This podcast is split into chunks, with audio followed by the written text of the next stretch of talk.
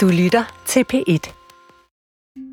Pulsen går fuldstændig amok, øh, og så bliver man svimmel og, og alt muligt, så det er jo ikke særlig behageligt. Sådan lyder det fra 65-årige Frank Nielsen, der i to år har oplevet at have problemer med hjertet. På trods af kroppens mange signaler går han sent til lægen og bliver henvist til behandling på Rigshospitalet. Om lidt kommer du med, når Frank skal have lavet en hjerte-CT-scanning. Et fantastisk nyt værktøj, når man skal undersøge et hjerte. Du må gerne starte med at komme op og Og så skal jeg tage dit blodtryk, så vi lige kan se, øh, hvordan det er blevet påvirket af beta-blokkerne. Ja. En million danskere har for højt blodtryk, men 300.000 af dem ved det ikke. Mindst halvdelen af de 15.000 strokes, altså blodpropper i hjernen og hjerneblødninger, der hvert år ses herhjemme, skyldes for højt blodtryk, der ikke er behandlet. Hvilke advarselstegn skal du være opmærksom på, og hvordan forkæler du i det hele taget dit hjerte? Velkommen til Lægens Bord, lyt til din krop. Jeg hedder Peter Kvartrup Geisling og er pakket rigtig godt ind af mine to gode kolleger, Louise Ravndal og Katrine Lackmann.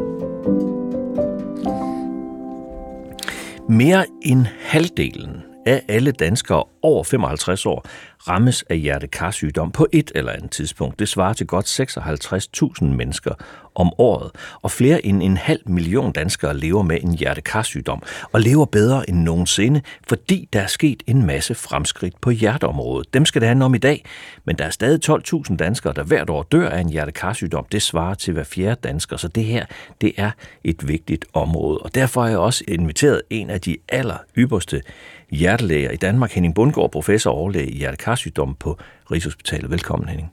Tusind tak. Henning, hvis man ser på middellevetiden i Danmark, så er vi i gennemsnit blevet 40 år ældre på 170 år. Det går i den rigtige retning. Og der er tre store knæk. Det ene, det er jo dengang, vi fik rindende vand. Altså VVS-folket har virkelig haft stor betydning for middellevetiden i Danmark. Så var det dengang penicillin kom. Det er det andet knæk. Og så er der det tredje knæk.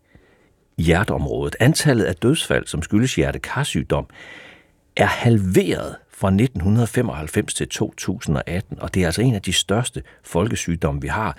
OCD har kaldt Danmark for first movers, altså antallet af dødsfald, der skyldes hjertekarsygdom i Danmark, er halveret fra 1995 til 2018. Det her kæmpe store fremskridt på hjerteområdet, Henning, hvad skyldes det? Ja, det er jo fantastisk, hvad vi har været vidne til, øh, og det er jo i den tid, vi to har været læger, at vi har set det. Så det har været stort, øh, og det ser ud som om, det fortsætter. Jeg tror, når at vi skal se på årsagerne, så bliver vi nok nødt til at dele dem ind i, at der er ganske mange, og der er en del, som har med sundhedsvæsenet og hjertelægerne at gøre, og så er der noget, som ikke har med hjertelægerne at gøre. Det, som har med hjertelægerne at gøre, det er, at vi har fået væsentligt bedre medicin, mere effektiv medicin. Så har det at gøre med, at vi har fået væsentligt bedre procedurer, øh, sikre procedurer. Vi har blandt andet det her med, at vi kan stente folk. Altså når man har en forsnævret kranspulsår eller en blodprop i hjertet, så kan vi gøre noget ved det lige med det samme. Sætte Ball- ind. Ballonudvidelsen. Det er ballonudvidelsen. Det er også bypassoperationerne. Og så har vi fået øh, nye, nyt udstyr, nye devices. Øh, vi har fået bedre pacemaker, vi har fået bedre hjertestødere. Så der er rigtig meget, vi har. Men vi har også overordnet set fået en meget, meget større kapacitet. Vi havde for nogle år siden noget, der hed hjertepakkerne, hvor at man garanterede, øh, at man kunne komme igennem, man sikrede, at der ikke var ventetider. Og det er jo sådan, at vi lever i et fantastisk land, at fra jeg en nat måtte ringe 112 og sige, når jeg ondt i brystet og bliver mistænkt for at, være, for at have en blodprop i hjertet, jamen så ligger jeg på lejet, operationslejet inden for 1 til to timer. Og det er ligegyldigt, hvor jeg bor i Danmark. Der er ambulancer, der kører døgnet rundt, der er helikopter, der fylder luften. Øh, det gør vi, og det har haft en stor betydning. Det har selvfølgelig også stor betydning, at vi har kapacitet til at følge patienterne, at de ikke bare kommer ind og bliver behandlet, men også at vi holder fast i dem øh, og hjælper dem øh, på den lange bane, sådan at den halv million danskere, der lever med hjertesygdom, de lever godt med hjertesygdom, i hvert fald for en stor del af dem. Det andet, det er det uden for samfundet, og det har vi ikke så godt styr på, hvad det egentlig er. Men det er jo for eksempel, at nu er der stadigvæk 20-25 procent af danskerne stadigvæk, der desværre ryger. Men vi har været væsentligt højere op. I 60'erne og 70'erne, der var vi jo oppe, at det var 70 procent af mændene, og det er jo næsten halvdelen af kvinderne.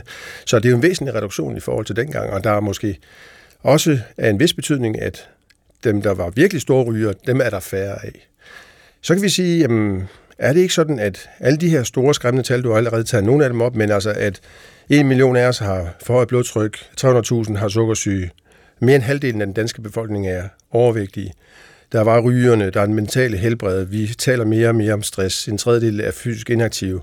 Taler det ikke ind i, at vi skulle blive mere og mere hjertesyge? Jo, det kan godt være. Men der er jo alle dem, som ikke har det her. De er nok blevet sundere, og vi er måske under en kamp blevet sundere. Og så er der nogle faktorer, som at vi spiser måske bredere. Vi får mere varieret kost end tidligere. Vi har høj boligstandard. At vi har social sikkerhedsnet. At vi ikke er bange for vores økonomi. Vi har en et samfund, som understøtter os, så vi, vi går ikke nedenom og hjem, øh, selvom vi mister vores job. Mm. Og det betyder nok alt sammen noget for, hvordan vi lever. Øh, og der er mange andre faktorer, vi kunne tage ind. Vi har nok ikke helt styr på dem, men det er vigtige, vigtige faktorer mere end selve behandlingen. Mm. Og jeg kan huske noget af det, der også noget af det seneste, jeg har hørt nævnt som, som faktorerne udefra, det er det med transfedtsyrene, altså dræberfedt, som ja. vi slap af med Danmark, tror jeg var forgangsland. Ja. Ja. Så der er altså nogle faktorer i vores samfund, noget udefra, mere motion, mindre rygning trods alt, og ja. så videre. Ja. Bedre kost måske også, og så altså en hel masse på hjerteområdet. Men altså et kæmpe stort fremskridt, altså vel det største fremskridt, vi har set i sundhedsvæsenet. Og nu skal du så møde 65-årig Frank Nielsen, der i mange år har arbejdet som blikkenslar. Men for nylig, der gik han på Arne-pension, som han selv siger. Han oplevede i flere år, også på hans arbejde, problemer med hjertet, som han beskriver sådan her. Pulsen går fuldstændig amok øh, og, og pumper uregelmæssigt. Man kan mærke det oppe i ørerne. Man kan simpelthen øh, høre øh, pulslaget i ørerne. Det, det galopperer fuldstændig. Og øh, jamen det, det, det kommer fuldstændig uprovokeret. Øh, så det er sådan lidt ubehageligt, når man bliver lidt svimmel og sådan noget. Men øh, som de sagde over på hospitalet, man dør ikke af det, man, man lever med det. Hvornår opdagede du det første gang, eller oplevede det første gang, at du øh, havde problemer selv? Og jeg tror i virkeligheden, jeg er en af de der mænd, der har, har gået med det, øh, øh, uden at gå til lægen, og gået og udskudt det, og tænkt, om det når man, noget, man får, når man bliver gammel og sådan noget der, og så er der hele tiden opgaver på arbejde, så får man ikke lige øh, taget sig sammen til at gå til lægen. Men øh, det gjorde jeg så lige pludselig, og så blev jeg sendt min læge og gået på hospitalet for, til undersøgelse for det. Og øh, det er så et halvt, halvt års tid siden.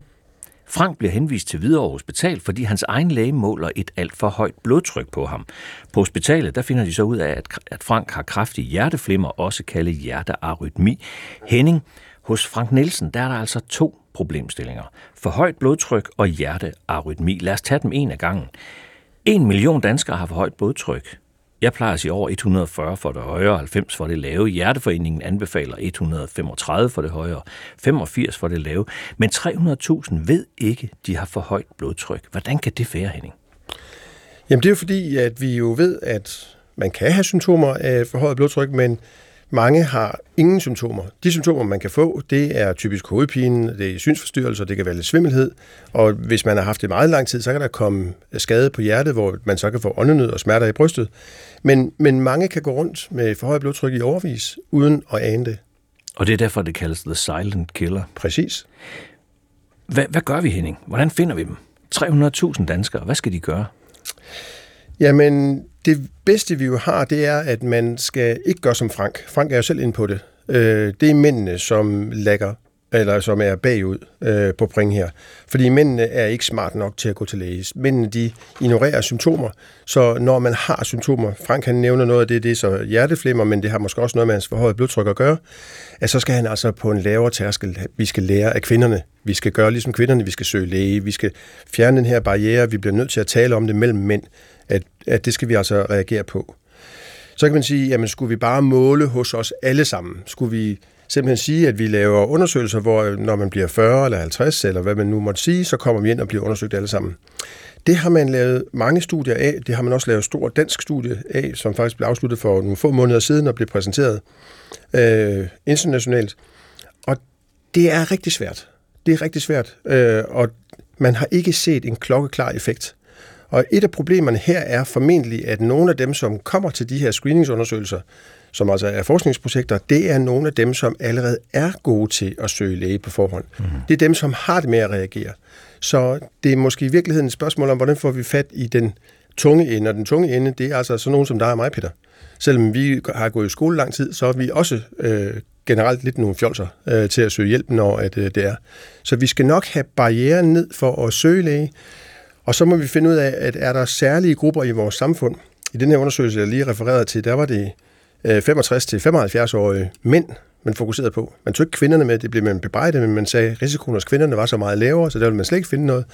Men selv man tog den gruppe, så fandt man altså ikke noget, der var en tendens til en effekt med lavere dødelighed, men man kunne ikke vise det sådan helt definitivt. Men der, der er jo rigtig mange mennesker, der køber et blodtryksapparat i dag. Ja. Er det en god idé? Ja og nej, fordi det er lidt at trække øh, sundhedsvæsenet, eller sygehuset, eller ambulatoriet ind i sin egen, hjemme, i sin egen stue derhjemme. Og det er der nogen, der har det godt med, men jeg tror sådan lidt principielt, at hvis man måler det her blodtryk, og man frustrerer sig over, og man ved ikke, hvad man skal gøre ved det, det er måske i virkeligheden mere en stressfaktor. Mm. Øh, og man får det måske heller ikke målt på den rigtige måde, og man får måske ikke skiftet batterierne, og var det nu et godt apparat? Så øh, jeg kan se sagtens pointen, men det er nu rigtigere, at man får det målt rigtigt, hvis at der er en mistanke om, at det kunne være forhøjet. Mm. Forhøjet blodtryk, det er jo sammen med rygning og alkohol de tre største risikofaktorer, altså forhøjet blodtryk, rygning og alkohol, når det handler om sygdom generelt i Danmark. Vi har de her 1500 strokes, altså blodpropper og hjerneblødninger. For højt blodtryk, Henning, hvordan behandler man det? Det er 15.000 strokes. Ja, øh, jamen altså, det er jo ret fantastisk, hvad vi selv kan gøre. Og noget, meget af det, vi selv kan gøre, det er jo, at vi kan holde os i form, vi kan motionere, vi kan spise rigtigt, og så når det bliver målt for højet, så er det jo sådan, at, at så er det jo altså ikke en kur, at man tager sin blodtryksmedicin i en periode, men det er jo sådan set livslangt. Hvis man først har fået stillet diagnosen for højt blodtryk, så er det livslang medicinsk behandling, som man skal øh, have kontrolleret også, øh, og det er så det. Men altså, hvis man motionerer, man ikke ryger, man holder sig rimelig slank, man spiser den rigtige kost, så med det, så kan man gøre rigtig meget selv. Mm. Og så kommer medicin oveni, hvis det ikke er noget. Præcis. Ja. Men det er vigtigt at få det behandlet, kan jeg mærke på dig. Det er virkelig en af de faktorer, som øh, hører til i vores del af verden, og som på den lange bane skader øh, hjerte og kredsløb. Ja. Hvad med salt?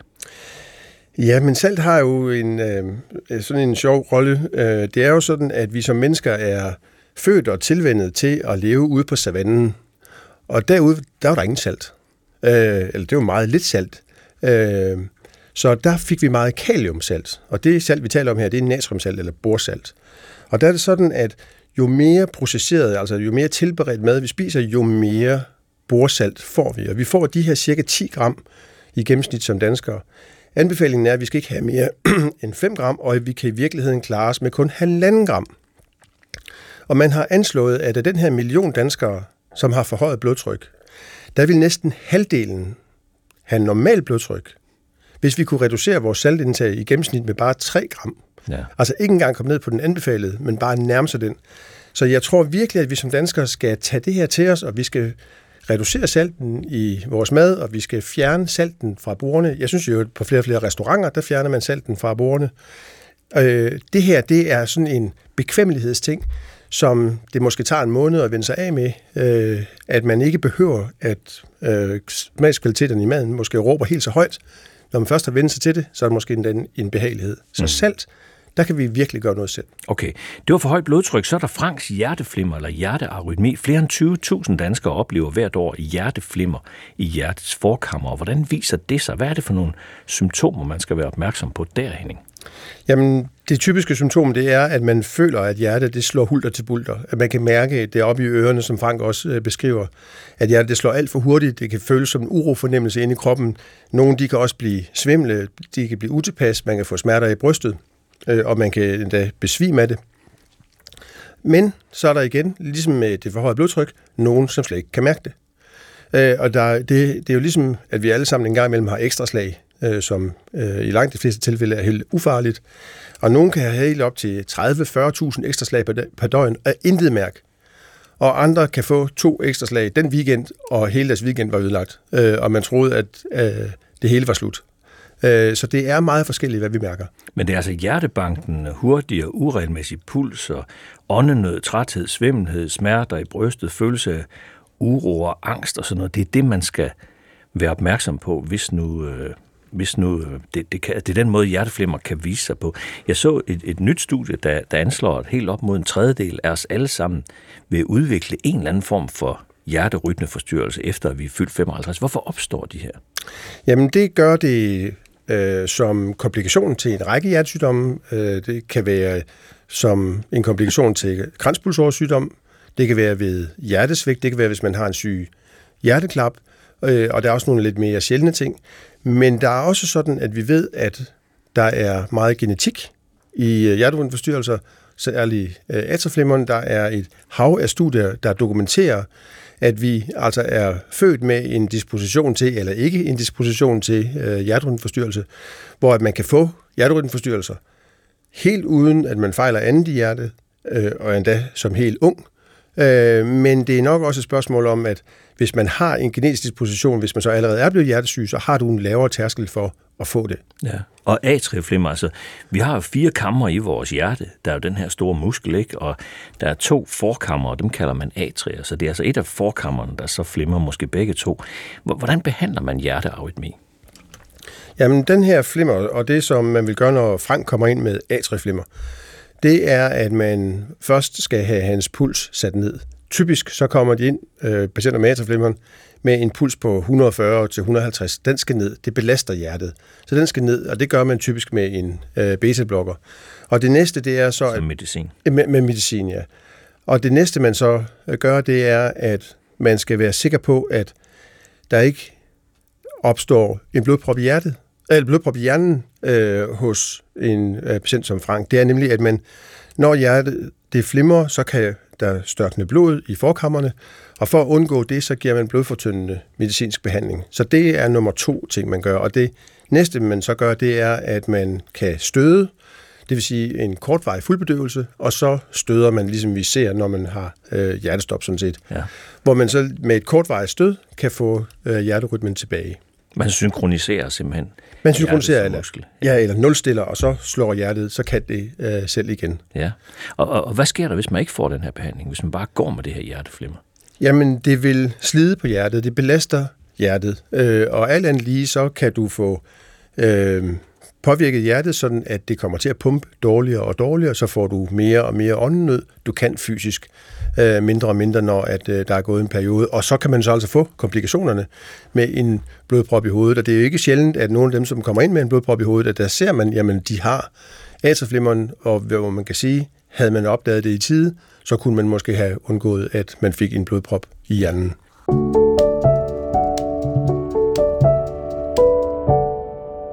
Og du lytter til Lægens Bord, lyt til din krop, hvor det i dag handler om hjertet. Når hjertet forsøger at ringe dig op for at fortælle dig, at det ikke har det særlig godt, hvad er det så for nogle advarselstegn, du skal være opmærksom på?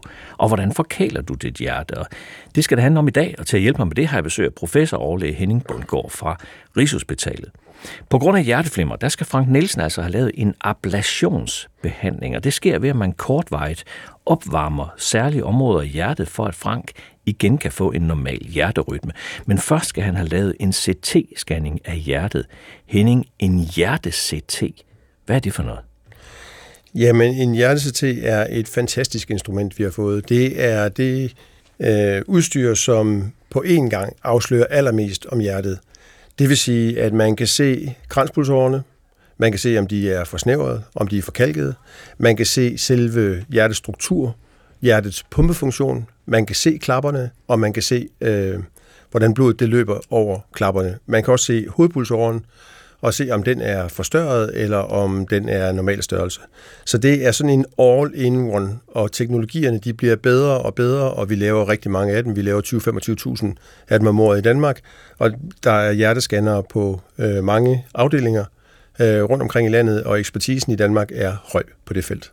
Ja, det er jo helt vildt, hvordan den her undersøgelse har snedet sig ud ind, uden, øh, uden jeg tror ret mange danskere kender til den. Altså det der med, hvis man har haft en far eller en mor, der er død tidligere af hjertekarsygdom, blodprop i hjertet, at man faktisk kan komme til at se, hvordan har mine kranspulser det, dem hvor blodproppen opstår i. Det er da helt vildt.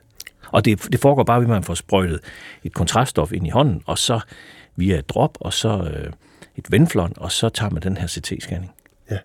Det er da helt vildt. Og det tager få sekunder. Ja. Hvornår, hvornår, hvem er det, der får lavet sådan en? Hvornår gør man det? Jamen, øh, Frank her vil man øh, flere og flere steder øh, gøre det på. Øh, inden han skal ind og have et stød, eller inden han skal ablateres, der skal man vide, at der ikke er størknet blod i hans forkammer. Og der vil det være relevant at lave sådan en CT-scanning for at se, om der er det. øh, fordi så vil man ikke lave proceduren, så skal man vente til blodfortyndingen har øh, opløst det. Og så øh, vil man jo så samtidig hos Frank sige, jamen nu havde han for højt blodtryk øh, også, øh, og han var mand, han var en risikoperson, så vi vil også gerne lige se hans kranspuls over. Og vi vil også gerne lige se, om hjertet har taget skade, om pumpefunktionen er normal, om hjertet er fortykket af, at det har skulle pumpe mod det her forhøjet tryk. Så det er en fantastisk samlet undersøgelse, der illustrerer eller viser, hvor er, hvordan er forholdene øh, ret helt præcis hos Frank. Ja, og det er altså en hjerte-CT, hjerte-CT-scanning. I Franks tilfælde er det for at være sikker på, at han ikke, som Henning også siger, ikke har det her størkende blod i hjertet. Øh, det, det skal de altså være helt sikre på, inden de laver den her behandling for rytmeforstyrrelsen. Vi skal lave en uh, øh, CT-scanning af hjertet, mm. og du skal ligge på ryggen her på lejet, du skal ligge med hovedet her, og benene den vej. Ja. Du må gerne starte med at komme op og ligge. Og så skal jeg tage dit blodtryk, så vi lige kan se, øh, hvordan det er blevet påvirket af beta-blokkerne. Ja. Godt, så begynder den at stramme rundt om armen. Det får mm. bare slappe af. Jeg hedder Claus Kofod, og jeg er overlæge her for kardiologisk afdeling øh, og er ansvarlig for CT-enheden, øh, altså hjerte-CT-enheden. Øh, øh, Hvordan ser hans hjerterytme ud? Ja, den er jo som den er. Han har jo faktisk det der øh, hjerteflimmer lige nu, hvor I kan se, at pulsen er ganske høj. Omkring 100. Normalt øh, har man jo en puls på et sted mellem 60 og 80 eller sådan noget. Ikke? Så han har en meget høj puls, som sikkert også er noget, han mærker. Øh, og øh, det giver så lidt også til... 152 var du på Ja, ja, ja. Og det er forklaring på, nu, nu, nu har I talt med ham, og man, man kan godt fungere med det her, men men hvis han skal foretage sig noget, altså hvis han skal det ved, ikke klippe hæk eller gå på en trappe eller et eller andet, så, så, det, så bliver man lynhurtigt kortåndet og kan ikke foretage sig så meget. Så det er derfor, at den her, det her problem er i hverdagen ret invaliderende. Ikke? Så ja, se heroppe kan man se, at så øh, er der så udvalgt den del af brystkassen, som man gerne vil lave billede af her. Det er jo billedet af brystkassen her, ikke? og så den der kasse, den fokuserer sig ind, hvor selve hjertet er. Det er så den hvide i midten der, at, at det er så hjertet. Øh, øh. Hvis du skal prøve at beskrive, er, man ser på, på billedet lige nu, hvad er det så, at, øh, at vi kan se på billedet? Ja, lige nu ser vi øh, et, en lille snit gennem hele brystkassen, og så har vi centreret øh, i billedet af hjertet lige i midten, og så er der sådan en lille cirkel der i midten, som, som man bruger til at kigge efter, hvornår kontrasten ankommer. Der skal give, kontrasten bliver hvid på billedet, og når kontrasten ligesom er nok der, hvor vi gerne vil tage billedet, så starter den scanning. Så, så beder maskinen den øh, patienten om at holde vejret. Der er sådan en højtaler, der siger det. Holder vejret kort, og så tager man billedet. Så, øh, så lige, ja, nu er vi faktisk i gang herover til venstre, kan man se, hvordan kontrastsprøjten, den indsprøjter kontrasten. Og om lidt, så vi ser, så kigger den, se, så er der kontrast på højre halv, hjertehalvdel, og så om lidt, når den over i venstre hjertehalvdel, så, så stiger den lige om lidt her. Så bliver den også hvid der til, til, til højre i billedet. Ikke? Se, så bliver den hvid der, ikke? Og så trækker vejret patient, holder vejret, og så tager man billedet, og så er der, og så er der overstået, så er scanning overstået, og så er vi færdige i princippet. Ikke? Så skal patienten lige få lov at sunde sig lidt, og så vil vi få afmonteret grader, og så er han sådan set færdig. Så Frank, nu er du oppe igen af lejet. Står ved siden af mig. Hvordan gik det? Jamen, det gik uh, fint med kontraster, og jeg havde fået at vide, at, uh, at uh, det var ligesom om, man uh, følte, man havde tisset i bukserne, og det blev lidt varmt i kroppen, men uh, det havde jeg jo fået at vide, inden jeg startede, så det var, det var ikke noget problem, jo. Det var, som det blev beskrevet. Så det tog jo heller ikke så lang tid, kan man sige. Nej. Det var øh, ganske få minutter. Ja, øh, syv minutter, tror jeg, det, det tog, og ja, det var hurtigt overstået, øh, synes jeg. Så det var fint. Vi kunne ude på skærmen se, at din puls kørte meget op og ned. Hvordan øh, kunne du mærke det inde i øh, brystkassen, da du lå i skanneren? Ja, men jeg, altså, jeg, jeg, jeg er jo vant til det der med, pulsen øh, ryger op og ned. Så det er jo helt normalt øh, hverdag for mig. Og det er jo faktisk derfor, jeg er her også. Så i Danmark der får godt 7.600 danskere en blodprop i hjertet hvert år, og netop overforsnævring eller overforkalkning i hjertet, det er den enkelsygdom, som flest danskere dør af. Det er jo lige præcis de her øh, kranspulsårer, man kan se så tydeligt på den her hjerte-CT. Og når man ser på hjertets kranspulsårer, så er det netop for at se, så minder det lidt om, hvis man skulle se rødderne under et træ. Altså, man, man kan virkelig kan se de her kranspulsårer meget, meget tydeligt, se om der er forkalkninger i, at de kan blive forkalket af kolesterol, måske kombineret med rygning, for højt blodtryk, mangel på motion osv. Godt to millioner danskere har for højt kolesteroltal. Henning, når man måler kolesteroltallet, hvad er det så, man måler?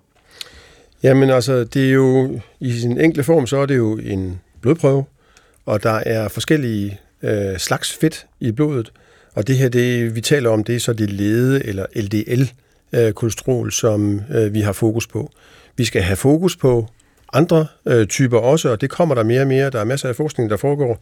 Men det er LDL-kolesterol, som er den helt store synder, og som rigtig meget øh, hjertemedicin i hverdagen drejer sig om og LDL, det kan man huske ved, at det er det ledes. Og, ja. og i virkeligheden så plejer det at være fire forskellige blodprøver, man måler. Det samlede kolesteroltal, LDL, som du har nævnt, HDL, der er det gode kolesterol, og så triglycerid, almindelig fedt.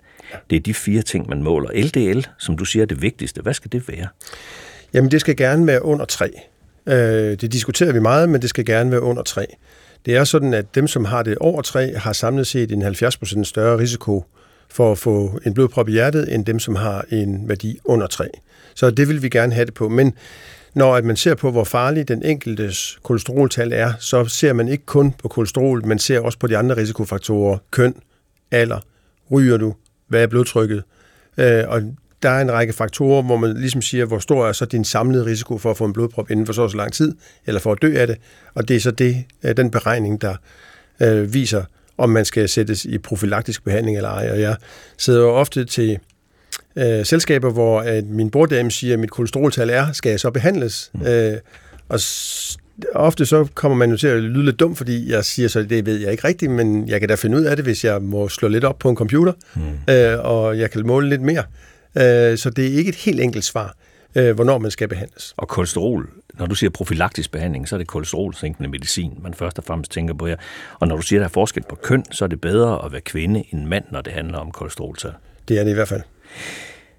Hvordan behandler man det så? Hvordan øh, får man sit kolesteroltal ned, hvis det er for højt? Ja, altså der må vi nok øh, sige, at kost, det betyder altid noget, men man kan i virkeligheden ikke sætte sit kolesteroltal ret meget ned ved at ændre sin kost. Vi siger almindeligvis 10, måske 15 procent. Så er det forhøjet, og skal det behandles, så er det medicin. Og der har vi det, de mediciner, der hedder statiner, øh, som øh, er med højt dokumenteret effekt på, at det kan sænke kolesterol, men ikke bare, at det sænker kolesteroltallet. Det reducerer også risikoen for, at du får blodprop i øh, hjertet. Og det er øh, behandling, som jo mere end en halv million danskere, 650.000 danskere, mener det er, der er i behandling med. Jeg er en af dem.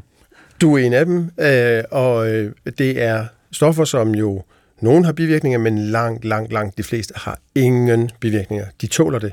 Øh, det er et stort fremskridt. Der er nogle supplerende ting, man kan give, og så er der kommet øh, til dem, som dårligt tåler det, eller som har meget, meget højt kolesterol, der er der kommet øh, sprøjter, man skal have, en injektion hver 14. eller øh, 14 dage eller en gang om måneden, og det sænker kolesterolet 60-70 øh, procent. Det er enormt effektivt, men det er dyrt. En kolesterol, det er en pille, som du får formentlig, koster 75 øre om dagen. Det her øh, stof, det koster 30-35.000 kroner om året. Ja. Og så kan man sige, det var for højt kolesteroltal. Men så er der jo også den arvelige forhøjet kolesterol, det man kalder familiær hyperkolesterolemi. Jeg så et tal, der hedder 230.000 danskere over 20 år har LDL, altså det lede kolesterol, det farlige kolesterol, over 5. Og de bør undersøges for det her. Og der ved jeg jo lige præcis, du Henning, du sidder lige præcis centralt i Danmark, når det handler om den familiære hyperkolesterolemi, den arvelige forhøjet kolesteroltal. Hvad går det ud på, det her med at finde dem, der er særligt udsatte? Jamen altså, de, dem som har arvelige forhøjet kolesteroltal, de har jo altså fra dag 1 at i livet har man forhøjet kolesteroltal. Og øh, det vil sige, at så bliver ens kranspulsårer jo altså livet igennem øh, udsat for det her kolesterol, at vi ved, at de har, dem, som, som har arvet det her, de har en cirka 15 gange større risiko for at udvikle blodprop i hjertet. Altså en kæmpe risiko. Men hvis vi starter med at behandle fra tidlig skolealder, så ved vi, at risikoen den minimeres, den forsvinder måske fuldstændig. I Danmark er der anslået, at der er små 30.000, som har det her. Vi kender, vi har set de seneste tal, 8.500 af dem, og det vil sige, det er mindre end en tredjedel, vi kender, og de danske regioner øh, har taget initiativ til, at vi skal lave opsporing. Vi skal lave så meget opsporing, som vi overhovedet kan. Jeg sidder som formand for en gruppe, som arbejder med det. Og noget af det, vi jo gør, det er, at når der kommer en med aflig for høje kolesteroltal, så har vi fundet ham. Men så tilbyder vi også, at hans slægtninge bliver udredt. Så hver gang vi finder en, så finder vi tre eller fire. Øh, og det er jo så noget af det, vi gør, men det er også et spørgsmål om at kommunikere til vores kolleger og netop få henvist dem med de her LDL-mål øh, over 5, og det er netop det, som er grænsen for, at man skal henvise til at blive undersøgt for, om det er arveligt. Det er jo et spørgsmål om at få beskeden ud til vores øh, kolleger, hvor de nu er henne og sidder og måler de her kolesteroltal. Mm.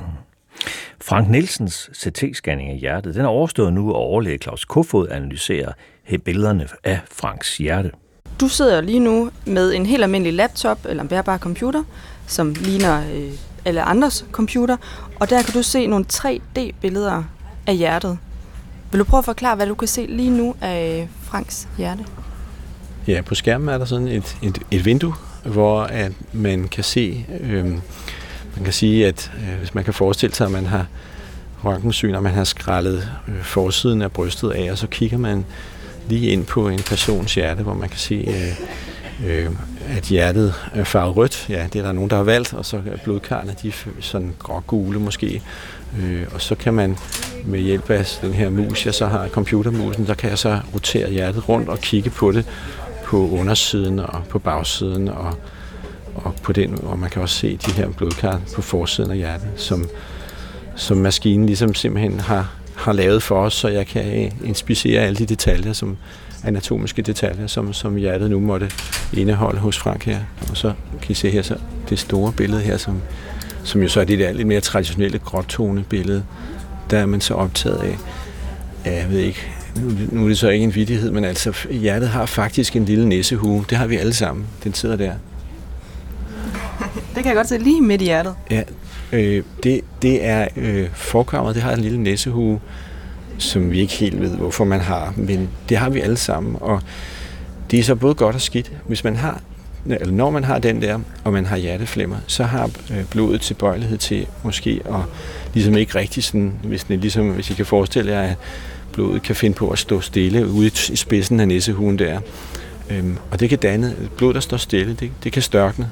Og hvis det så pludselig får lov til at bevæge sig i resten af kroppen, så kan man få en blodprop i hjernen. Det løber så op i hjernen. Det er en af de, kan man sige, risici, sjældent, men dog vigtige risici, der er ved øh, selve sygdommen hjerteflimmer, men også øh, den behandling, vi skal lave. For vi skal jo ind med kateter, altså plastikrør, ind i selve det her kammer. Så hvis der er noget størkende blod i den her nissehue, det hedder det tekniske ord er aurikel, hvad hedder det, men, men, men her er det nok, det ligner en nissehue øhm, så øhm, hvis der er størkende blod derinde, så kan det være enormt farligt at lave den behandling. Øh, så kan man få en blodprop i hjernen øh, i forløbet af det. Så derfor er man enormt opmærksom på, at man altid kigger efter, at der ikke er noget. Og Franks hjerte, nu har vi jo set billederne igennem, og Franks hjerte ser fint og klar ud til, at han skal videre til behandling. Ja, han har øh, ikke noget størknet blod inde i hjertet, og hans øh, fire lungevener sidder, hvor de plejer at gøre, og det ser helt normalt ud. Så han er helt klar til behandlingen. Alt ser altså godt ud på Franks billeder. Jeg vil ved med, Henning, der sidder en ingeniør et eller andet sted i Danmark nu og tænker, den der nye hjerte-CT-scanning, hvorfor laver man ikke bare et screeningsprogram og undersøger alle danskere en gang for alle? Er det ikke fristende? Jo, det er fristende, og det vil jeg rigtig gerne, hvis jeg kunne få forskningsressourcer til at, at gøre, og vi kunne lære rigtig, rigtig meget af det. Men det er lidt tilbage til det, vi øh, snakkede om i starten, at det er ikke det samme som, at vi vil sænke antallet af hjertesyge, eller få bedre udkomme hos dem, som vi finder, der er hjertesyge. Og vi er jo det her rationelle samfund, at man skal ikke screene øh, eller iværksætte nye initiativer, før man har dokumenteret, at det virker. Og det tror jeg er et meget, meget sundt princip. Øh, og det vil også gælde for det her område. Så før vi har den type dokumentation, så kommer vi nok ikke til at se det. Nej, og man vil jo også finde en masse ting hos mennesker, der ald- hvor det aldrig nogensinde vil blive et problem for dem, og de vil så kunne gå rundt og være bekymret for det resten ja. af Ja, og det er virkelig noget af det, vi skal passe på med. At, øh, man har jo set andre screeningsprogrammer, hvor man har fu- forfulgt ting, og hvor man har set, at man har skadet folk. Så det er en meget, meget vigtig pointe, du har der. Det skal vi være så opmærksom på. Så Frank, han slås altså med med hjertearytmi, med, med det her, med det her atrieflimmer og så videre. Nu har han fået lavet den her undersøgelse. Vi kan se, at hans billeder ser fine ud nu her. Men vi skal høre, hvordan Frank han har det. Det er jo det, det hele handler om. Det er jo det, sundhedsvæsenet handler om. Det er, hvordan de mennesker, der bliver behandlet, de har det. Så ved du hvad, Henning? Vi ringer lige til Frank. is a magic number. Yes, it is. Det er Frank. Goddag, Frank. Det er Peter Geisling fra Danmarks Radio. Undskyld, jeg forstyrrer dig. Goddag. Og ved du hvad, jeg, har, jeg har Henning foran mig, der er professor på den afdeling, hvor du blev undersøgt på Rigshospitalet. Ja, vel. Ja. Hvordan har du det? Jamen, øh, jeg har det sådan set uh, fint, uh, må, må jeg sige, efter uh, jeg har været inde på Rigshospitalet og forordnet det der. Så det, det er sådan set lykkedes meget godt. Jeg havde en lille bit smule flimmer her den anden dag, men ellers har der stort set ikke været noget af det. Nej. Så de her, de her symptomer, du har mærket inden og så videre, kan du, kan du mærke noget af det stadigvæk? Hvordan er, hvad med dine symptomer? Ja, det, er, det er sådan set øh, væk, vil jeg sige. Der kan godt være lidt, øh, lidt øh, højt blodtryk, tror jeg, nogle gange, men slet ikke noget flimmer. Jeg kan se, Henning han står og nikker. Er, er der noget, du vil spørge Frank om, Henning? Jamen Frank, øh, det er jo godt, at du har fået den behandling, der har gjort, at du har fået det bedre, og at hjertet ikke tog skade, så vidt jeg forstod på scanningen. Det er jo rigtig, rigtig fint. Øh, og mm. Frank, øh, har vi så en, nogle gange lært, at vi som mænd skal huske at gå til læge, sådan at når at der måtte komme noget, der driller dig igen, det håber vi ikke, der gør, men, men øh, går du så til læge næste gang? Ja, det, det, må, det må jeg sige, at øh, nu er det også fordi, nu er jeg stoppet på arbejdsmarkedet, gået på Arne pension, og ellers har det nok været sådan, at når man har været på arbejdsmarkedet, nå, ja, det, det, det er nok fordi, man er lidt stresset, så får man ikke taget sig sammen og gå til læge. Men uh, det, er, det er jeg da sikker på, at nu hvis der bliver noget med hjertet, så kan jeg jo genkende uh, symptomerne, så går jeg der til læge med samme, tænker jeg. Det er rigtig godt at høre, og det er jo noget af den besked, som også ligger i, at vi snakker sammen, når at man er på sygehuset og siger, hvordan skal man forholde sig i fremtiden? Hvordan skal man, ja. blive, øh, hvordan skal man reagere på, når kroppen sender nye signaler? Hvad er det så, man ja. gør for at passe bedst muligt på sig selv? Jamen, det er jo det, er jo det så må man kontakte lægen, jo. Ja. Der, der er jo cirka... Jeg hørt, øh... Fortsæt endelig, Frank. Ja, jamen, så har jeg, derudover har jeg også købt sådan et af de der apparater, som man selv kan måle øh, blodtryk og, og alt det der. Mm. Og der er jo, øh, kan man lige gå ind og tjekke, hvis man synes, der er et eller andet, så kan man jo lige tjekke, om det er bare noget, man synes, eller om, om der videre er noget om det. Så det, det synes jeg meget, at man lige kan gøre det selv også. Og, og hvis, du, hvis du vurderer, hvis du, hvis du måler noget, du bliver bekymret, så lov mig at vente med din læge, så du ikke går med det alene, ikke? Og, og, så, og så er der jo cirka 20.000 danskere, der oplever det samme, som du gør om året, det her med, med hjertearytmi. Hvis nu, øh, hvis nu du, der, der er mange mennesker, der er bange for det her med hjertet, og hvad kan der gå galt? Hvis nu du skulle give et godt råd videre til andre, der, der løber ind i de samme symptomer, hvad, hvad skulle det så være? Jamen, øh, så vil jeg da råde folk til at kontakte deres læge for at, at kunne tjekke op på det, om det er noget, der øh, skal gøres noget ved, fordi jo hurtigere, jo bedre, tænker jeg. Det er godt. Du virker rimelig rolig omkring det, og, og glad for det, du har været igennem. Jamen, øh, det er som også, at det, det gik lidt hurtigt, fordi at, øh, jeg blev ringet op om fredagen, der var der afbud, og jeg kunne allerede komme ind om mandag, så det, på den måde gik det også hurtigt. Så når man ikke at tænke så meget over det, så er det bare afsted. og det kan, det kan vi mænd jo, det kan vi mænd jo godt lide. Frank, Jamen, det er det. det er tusind det. tak, fordi vi, vi måtte uh, få din historie, og vi måtte lave at følge med. Det er jeg rigtig glad for. Tusind tak. Jamen, uh, selv tak, og god ja. fornøjelse med det. Tak.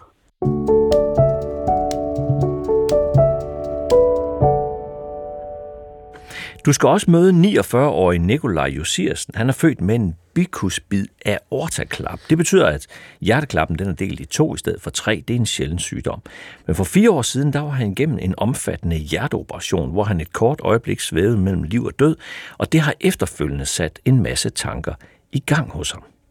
Før operationen, så, så opstod der nogle, nogle nogle praktiske behov inde i mit hoved. Altså, jeg havde simpelthen for behov for at få styr på nogle ting. Øh, og, og, og sidde som på det tidspunkt hvad, 44-45-årig, og, og pludselig tænke på, jamen har jeg egentlig styr på mit testamente og sådan nogle ting? Har jeg styr på, hvad der skal ske med ungerne, hvis nu? Øh, og hvad skal man sige, det, det fik vi så gjort, men, men sådan fornemmelsen af, at, at oh, det, det skal jeg også have gjort, det, det var sådan lidt en overvindelse og en, en, en overraskelse. Øh, det, der så skete efter det var sådan en, det blev sådan en refleksion at sige, jamen okay, nu har jeg været det her igennem. Øhm, om det sådan er en, en ja, og nogen kunne måske sige, at det var sådan starten på en, en, en accelereret midtvejskrise eller et eller andet. Øh, I hvert fald så, så blev jeg ligesom udfordret til at tænke over, jamen er det, jeg har gjort indtil nu, er det godt nok? Er det, øh, lever jeg det potentiale, jeg synes, jeg har? Øh, er jeg god nok far? Er jeg god nok øh, kæreste? Er, øh, alle de her ting, de, de kom meget hurtigt, øh, og der blev meget hurtigt taget nogle beslutninger, øh, både i mit privatliv, men også i mit professionelle liv, så jeg gik fra at være fastansat til at være selvstændig. For mig handlede det meget om, skal jeg bruge 40, 50, måske mere timer på mit arbejde, eller skal jeg bruge noget af den tid sammen med mine børn? Øh, skal jeg være en, en knævenpot, der går rundt derhjemme, eller skal jeg gå ud og prøve at lave noget, jeg synes, der er sjovt og nyder. Øh, så, så for mig, der, det blev jo helt sikkert uh, skældsættende for mig i forhold til, hvad jeg har valgt at bruge mit liv på efterfølgende. Nikolaj, han øh, beskriver mange følelser her og tanker, han deler med sin familie og nærmeste, og hans historie minder mig om en hospice-sygeplejerske fra Australien. Hun har været på et hospice i 35 år. Hun har fortalt, til, kan jeg huske til et lægefagligt tidsskrift for nogle år siden, at samtlige mænd, der døde på det hospice igennem 35 år, de fortrød, de havde arbejdet så meget, som de har. Så og jeg, jeg, jeg, du ser det selvfølgelig meget mere, end jeg gør, Henning. Men fordi du står i det til hverdag, men jeg oplever tit det der med, at sygdomme i hjertet, specielt i hjertet, det sætter mange følelser i gang. Hvordan, hvordan oplever du som hjertelæge, at der kan være mange følelser forbundet med hjertesygdomme og det at blive opereret i hjertet? Jamen, vi har en og jo begrundet øh, stor frygt for hjertesygdom. Og vi kan jo, når vi fortæller, at folk de har hjertesygdom, at nu har vi konstateret, hvad det så drejer sig om, at folk bliver meget berørte. Der er rigtig mange spørgsmål til det.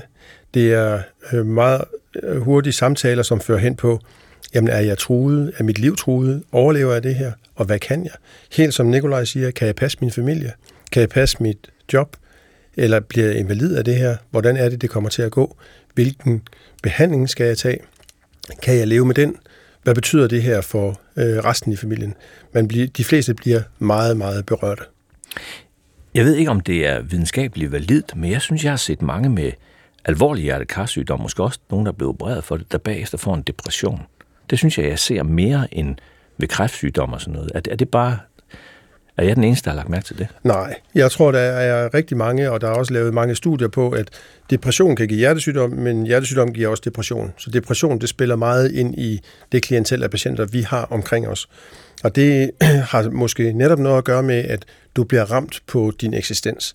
Det, man alle sammen står op om morgenen og tror, at dagen bliver i dag, sådan så nogenlunde som den var i går. Hvis man så pludselig øh, får at vide, at du er hjertesyg, du måske har et øh, liv, som ikke bliver så langt, som du håbede, du måske troede, du måske troede af akutte indlæggelser, det er omvæltende. Det er prioriteter, der pludselig laves om. Altså vi hører også Nikolaj her, der siger, jamen, hvad skal han med sit job? Pludselig så er de prioriteter, du havde i går med at passe jobbet, eller at carporten er pænt malet, er pludselig lavet om til at nu drejer det sig om noget helt, helt andet. Nu drejer det sig om, mm. hvad er livskvaliteten? Hvad er det med mine nære? Hvad er det, der er vigtigt for mig? Man bliver presset ind i en situation, hvor at man holder op med at tænke, at livet er uendeligt, men pludselig er der måske sat en udløbsdato på, eller man fornemmer en udløbsdato. Ja, hvor mange år har man med sine børnebørn? Hvad, hvad gør I på din afdeling for at klæde patienter på til operationer i hjertet? Jamen, det drejer sig rigtig meget om to ting. Det drejer sig om at informere. I den grad, at man forklarer, hvad er det, der er galt? Hvad er det, vi øh, ser som problemet? Hvad er problemet, hvis ikke man gør noget ved det her? Og hvad er det så, vi vil gøre?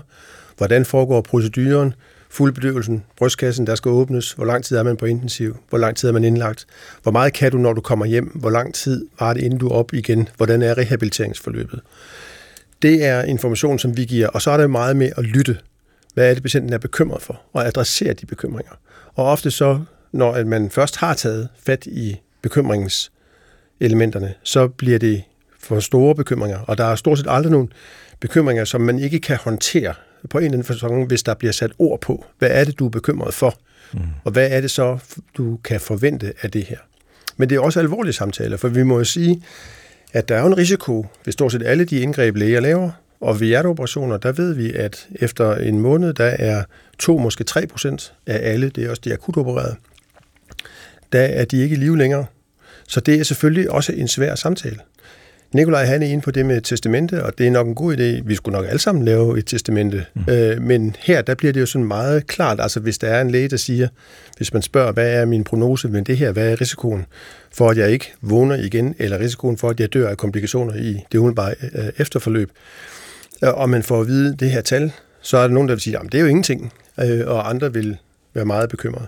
Men det diskuterer vi selvfølgelig med patienten, og så inviterer vi også, at slægtninge, øh, typisk ægtefælde, børn, øh, andre, der er tæt på, kan komme ind og spørge om det samme, sådan at de er også klædt på, fordi det er også vigtigt, at de er forberedt, sådan at de kan støtte mest muligt, og at deres bekymringer er adresseret. Og vi prøver jo altid at gøre det sammen, at det ikke er sådan noget med, at man går ud og taler med, med konen udenfor og siger, ja, det går nok ikke rigtigt det her. Og så, Nej, ikke bag om ryggen på folk. Aldrig. Det gjorde man nok for 30 eller 50 år siden. Det gør vi ikke. Vi taler sammen om det. Ja. Øh, og det, det, har, det har stor værdi, at man kan se, at skuldrene de sænker sig, når man har, når man har gjort det. Og når det så er de alvorligste tilfælde, hvor vi kan sige, her skal vi operere, men hvad enten vi opererer eller ej, så er der en stor risiko for, at det her det går galt.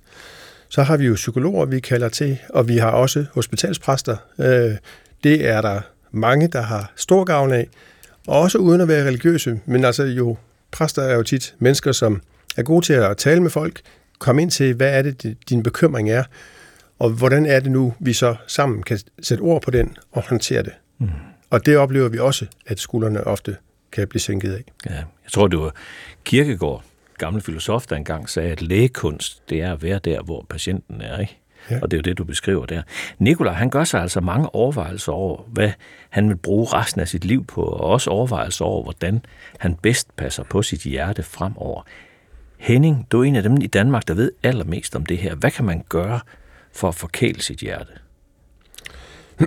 Jamen, man kan gøre rigtig, rigtig meget, og det er jo sådan set, at vi er oppe og tale om, at øh, 60-80% af alle øh, tilfælde med hjertesygdom, det kan nok undgås, hvis vi virkelig øh, optimerer eller gør så meget, som vi overhovedet kan. Og det er jo meget af det, det er enkelt, men det er slet ikke så enkelt at omsætte det. Men hvis vi ligesom tager det fra en ende af, så er det jo meget med vores kost. Altså, hvordan er det, vi spiser? Øh, vi skal spise varieret, vi skal spise grønt, vi skal spise frugt, vi skal spise de her 6 om dagen, det gælder stadigvæk 600 gram frugt og grønt hver dag. Vi skal spise fisk, vi skal spare på det fede. Vi har talt om salt allerede, vi skal reducere vores salt, nok i virkeligheden så meget, som vi nu kan. Vi skal holde vægten, så vi skal ikke spise mere, end vi øh, holder øh, vægten til. Vi skal motionere, vi skal motionere dagligt, og det skal vi en halv time. Jeg møder rigtig mange, ikke mindst småbørnsforældre, som siger, hør lige her, det kan jeg jo ikke. Øh, det har jeg jo ikke tid til. Og så kan man bare sige, jamen så kommer du til at betale på den lange bane. Øh, så vi kan godt prioritere vores søvn, vi kan godt prioritere vores hvile, at vi skal have måltiderne, og vi bliver også nødt til at prioritere det, som handler om motion en halv time hver dag. Og for de fleste mennesker, så er det jo, når de først kommer derud, så er det en stor fornøjelse. Så er det også, at vi selvfølgelig har de andre faktorer, som betyder noget. Alkohol, rygning, det behøver jeg ikke sige så meget om, tror jeg ikke. Men at vi har det godt med de mennesker, der er omkring os. At vi trives med vores familie, med vores venner, at vi er i et netværk. At man er på en arbejdsplads, hvor at man trives. Stress og ubehag på jobbet betyder noget for også risikoen for hjertesygdom, men jo der er rigtig mange hjertesygdomme, som spiller ind i hele kroppen, så meget af det, jeg siger, det er jo ikke bare hjertesygdomme, men det er jo sådan set for hele vores liv, øh, det gælder. Ja, så det er nogle af faktorerne. faktorerne der, du gjorde en helt del ud af kosten, og og hoppede hurtigt hen over rygningen, fordi du sagde, at det er et selvfølge, en selvfølge. Men jeg, jeg tager alligevel tallene med fra Hjerteforeningen her.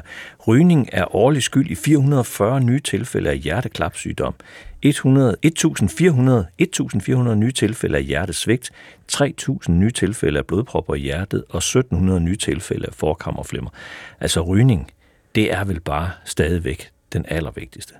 Rygning er forfærdeligt. Øh, jeg er desværre selv gammel ryger, holdt heldigvis for mange år siden. Rygning er forfærdeligt. Og jeg må sige, når at vi hører, at vi politisk diskuterer, om pakke cigaretter skal koste 65 eller 95 kroner, så er det en afsporet debat. Vi bliver nødt til at sige, at vi skal simpelthen sætte alle sejl til for at hjælpe folk til ikke at ryge. Vi vil jo gerne med det her åbne, frie samfund, men jeg tror, vi glemmer, hvor stor lidelse, hvor mange blodpropper, hvor mange rigtig, rigtig elendige liv, der leves på grund af cigaretterne, og at cigaretterne, for dem, der ryger, det koster 10 års levetid. Mm. Hvordan kan man næsten have det? Øh, og det bør være højt på en øh, politisk agenda. Ja. Advarselstegnene på en blodprop i hjertet. Der er jo cirka 7.600 om danskere, der får sådan en blodprop i hjertet om året. Hvad er det for nogle advarselstegn, man skal være opmærksom på, Henning? Jamen det er, at man skal reagere, hvis du får smerter i brystet. Og det vil være en smerte, som ofte beskrives som en trykkende og pressende smerte. Nogen siger, at det er ligesom, der sidder en elefant på brystkassen af mig, eller der er tyndebånd, der er spændt. Øh, der er ikke plads nok. Smerten kan så rette sig op i halsen, kæben, eller ud i en arm, eller om i Altså smerter, der stråler ud? Ja, smerter, der stråler ud. Øh, øh, og det er det, man skal reagere på. Så kan det være, at man samtidig føler sig meget utilpas, man måske får åndenød, man sveder, man får kvalme eller opkastninger. Øhm, og det er der, man skal reagere. Man skal ringe 112. Ja, og så kan jeg huske, at øh, for nogle år siden, der var der en, en kampagne fra jer hjertelæge om, at, at de her klassiske symptomer med udstråling til venstre arm, som man nogle gange siger som en rigtig klassiker af smerter, at der er forskel på mænd og kvinder, at kvindernes symptomer kan godt være lidt mere uldne. Ja, det kan de, og øh, vi er blevet mere og mere opmærksom på det, at kvinder kan måske mere have, at de bare føler sig utilpasse, at de får kvalme, at de måske får mere ondt i maven, eller får åndenød, og det kan man, det kan man godt komme til at overse, øh, men der er meget skærpet opmærksomhed på det, øh, sådan at, at vi øh, på lavere tærskel end for få år siden får undersøgt kvinderne i de her tilfælde for, om det her det kunne være en blodprop i hjertet. Ja.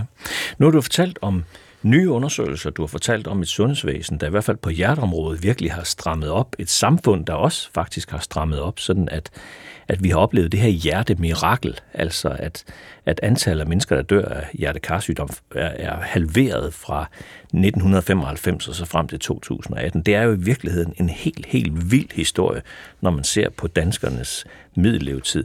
Men når vi så har fået den her hjertesygdom, blevet behandlet osv., så er der tit noget genoptræning, noget rehabilitering bagefter. Hvordan går det med hjerterehabiliteringen i Danmark, synes du? Det går fremad, men vi er der ikke endnu. Det er sådan, at øh, der er klare øh, retningslinjer for, hvem der skal henvises, og det bliver de folk, der bliver henvist, det er, eller der skal henvises. Eller det bliver cirka 90 procent. Nogle de er så gode umiddelbart efter, at øh, de ikke har behov for det, øh, vælger det fra, men 90 procent bliver henvist. Og så er det så, at det er knap halvdelen, som så de facto møder op til det, øh, der er øh, at blive rehabiliteret. Rehabilitering, det er jo sådan set, at helt overordnet, at vi for mange år siden, der holdt vi patienten i sengen. Nu går det ud på, at vi skal have patienten ud af sengen hurtigst muligt, fordi der taber man funktion, og så skal man hjælpe øh, dels med medicinjusteringer, men også med psykologiske faktorer, at man kommer fysisk i gang, og så også hvad der er af samtaler og livsstilsændringer, øh, hjælp til rygeophør. Alt det her, som gør, at det her det var ikke bare et spørgsmål om, at nu er du fikset på den korte bane, men at man bliver hjulpet til at lægge sit liv om, øh, hvordan det nu passer ind i ens tilværelse, på en måde, så man er informeret og kan tage den gode beslutning for sig selv øh, efter rehabiliteringsforløbet. Vi er der ikke helt endnu, men det går fremad. Det er jo kommet tættere på borgerne. Det er jo besluttet, at rigtig meget af det skal foregå i kommunerne. Og det her det er en stor opgave, som kommunerne skal løfte. Øh, for mig at se, så gør de, hvad de kan, øh, og vi kommer der. Ny forskning, Henning. Hvad kigger vi ind i? Nu er der jo sket så meget på, på hjerteområdet. Jo meget mere end på alle mulige andre områder, vi næsten kan komme i tanke om. Hvad, hvad ligger der af ny forskning lige rundt om hjørnet? Jamen, der ligger, der ligger jo rigtig, rigtig meget. Øh, øh, hjerteforskning fylder rigtig meget. Der er rigtig meget på genetik. Vi bliver klogere på genetikområdet. Vi forstår mere og mere ud fra genetiske analyser. Der kommer genetisk manipulation. Øh, altså, hvor at man øh, kommer til at kunne behandle blandt andet øh, forhøjet kolesterol med stoffer, man får en indsprøjtning af måske hver tredje, måske hver sjette måned, eller måske en gang om året, det er jo noget helt andet end det, at man skal huske at tage sine piller hver dag. Øh, det er noget af det, der kommer.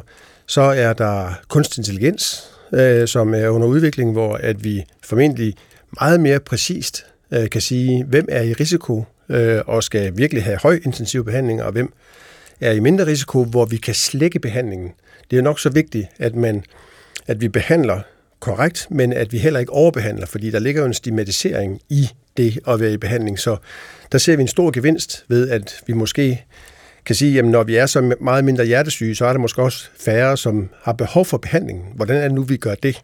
Det er en stor opgave. Mm. Og det, det er kunstig intelligens. Så er der, at biologien viser sig jo igen og igen at være væsentligt mere kompliceret, end vi troede. Øh, og vi har jo i hjerteområdet, der har vi kigget på, hvordan pumper hjertet, og hvordan hvorfor snæver er kranspulsårene, men når vi dykker ned i hjertemusklen, ned i hjertemuskelcellerne, så ser vi jo noget helt andet. Så ser vi jo, hvordan er det nu, sygdom opstår og udvikler sig.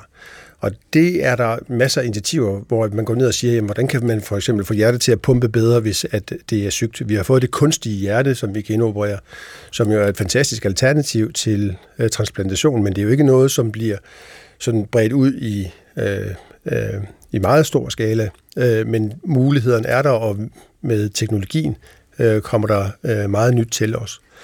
Og så øh, er der selvfølgelig også fokus på, hvad er der af de lidt blødere ting, der betyder noget for os. Øh, det er der forskning i. For eksempel skolebørns motion, skolebørns kost, øh, at vi måske allerede meget tidligt i livet lægger frøene til, om vi bliver hjertesunde eller hjertesyge. Det gælder måske allerede fra vi er i vores mors mave. Vi har i København lavet det her kæmpe studie med 25.000 nyfødte, som vi scannede hjerterne på hvor vi følger op på, jamen, hvad var det for nogle forhold i hjertet, så da de blev inkluderet for to-tre år siden, øh, dem kan vi så følge, når de bliver 40, 50 eller måske lige så gamle som du og jeg, Peter, øh, og se på, jamen, hvad var der egentlig tilbage, dengang vi scannede dem. Altså blive klogere på selve biologien i meget af hjertesygdommene. Så der sker rigtig, rigtig, rigtig mange ting. Det er spændende. Henning, tusind tak Henning Bundgaard, professor i hjertekarsygdomme fra Rigshospital. Tak fordi du vil komme med til den her time om et organ, som vi alle sammen synes er meget vigtigt, nemlig hjertet. Og tak til Frank Nielsen og Nikolaj Josiersen for at fortælle deres historier. Og hvis du vil vide mere om hjertekarsygdomme, så er der mange flere fakta på Hjerteforeningens hjemmeside. Du kan altid lytte til lægens bord, lytte til din krop i DR Lyd. Du kan gøre det lige, når det passer dig. Vi er tilbage i det nye år med en dukfrisk nyt afsnit om symptomerne på demens og fakta om den nyeste behandling på det område. Hvad er det for nogle advarselstegn, man skal være opmærksom på, når det handler om demens? Jeg hedder Peter Kvartrup Geisling, og er udsendelsen er sat sammen af mine to gode kolleger, Louise Ravndal og Katrine Lackmann. Tusind tak for i dag, og tak fordi du lyttede med.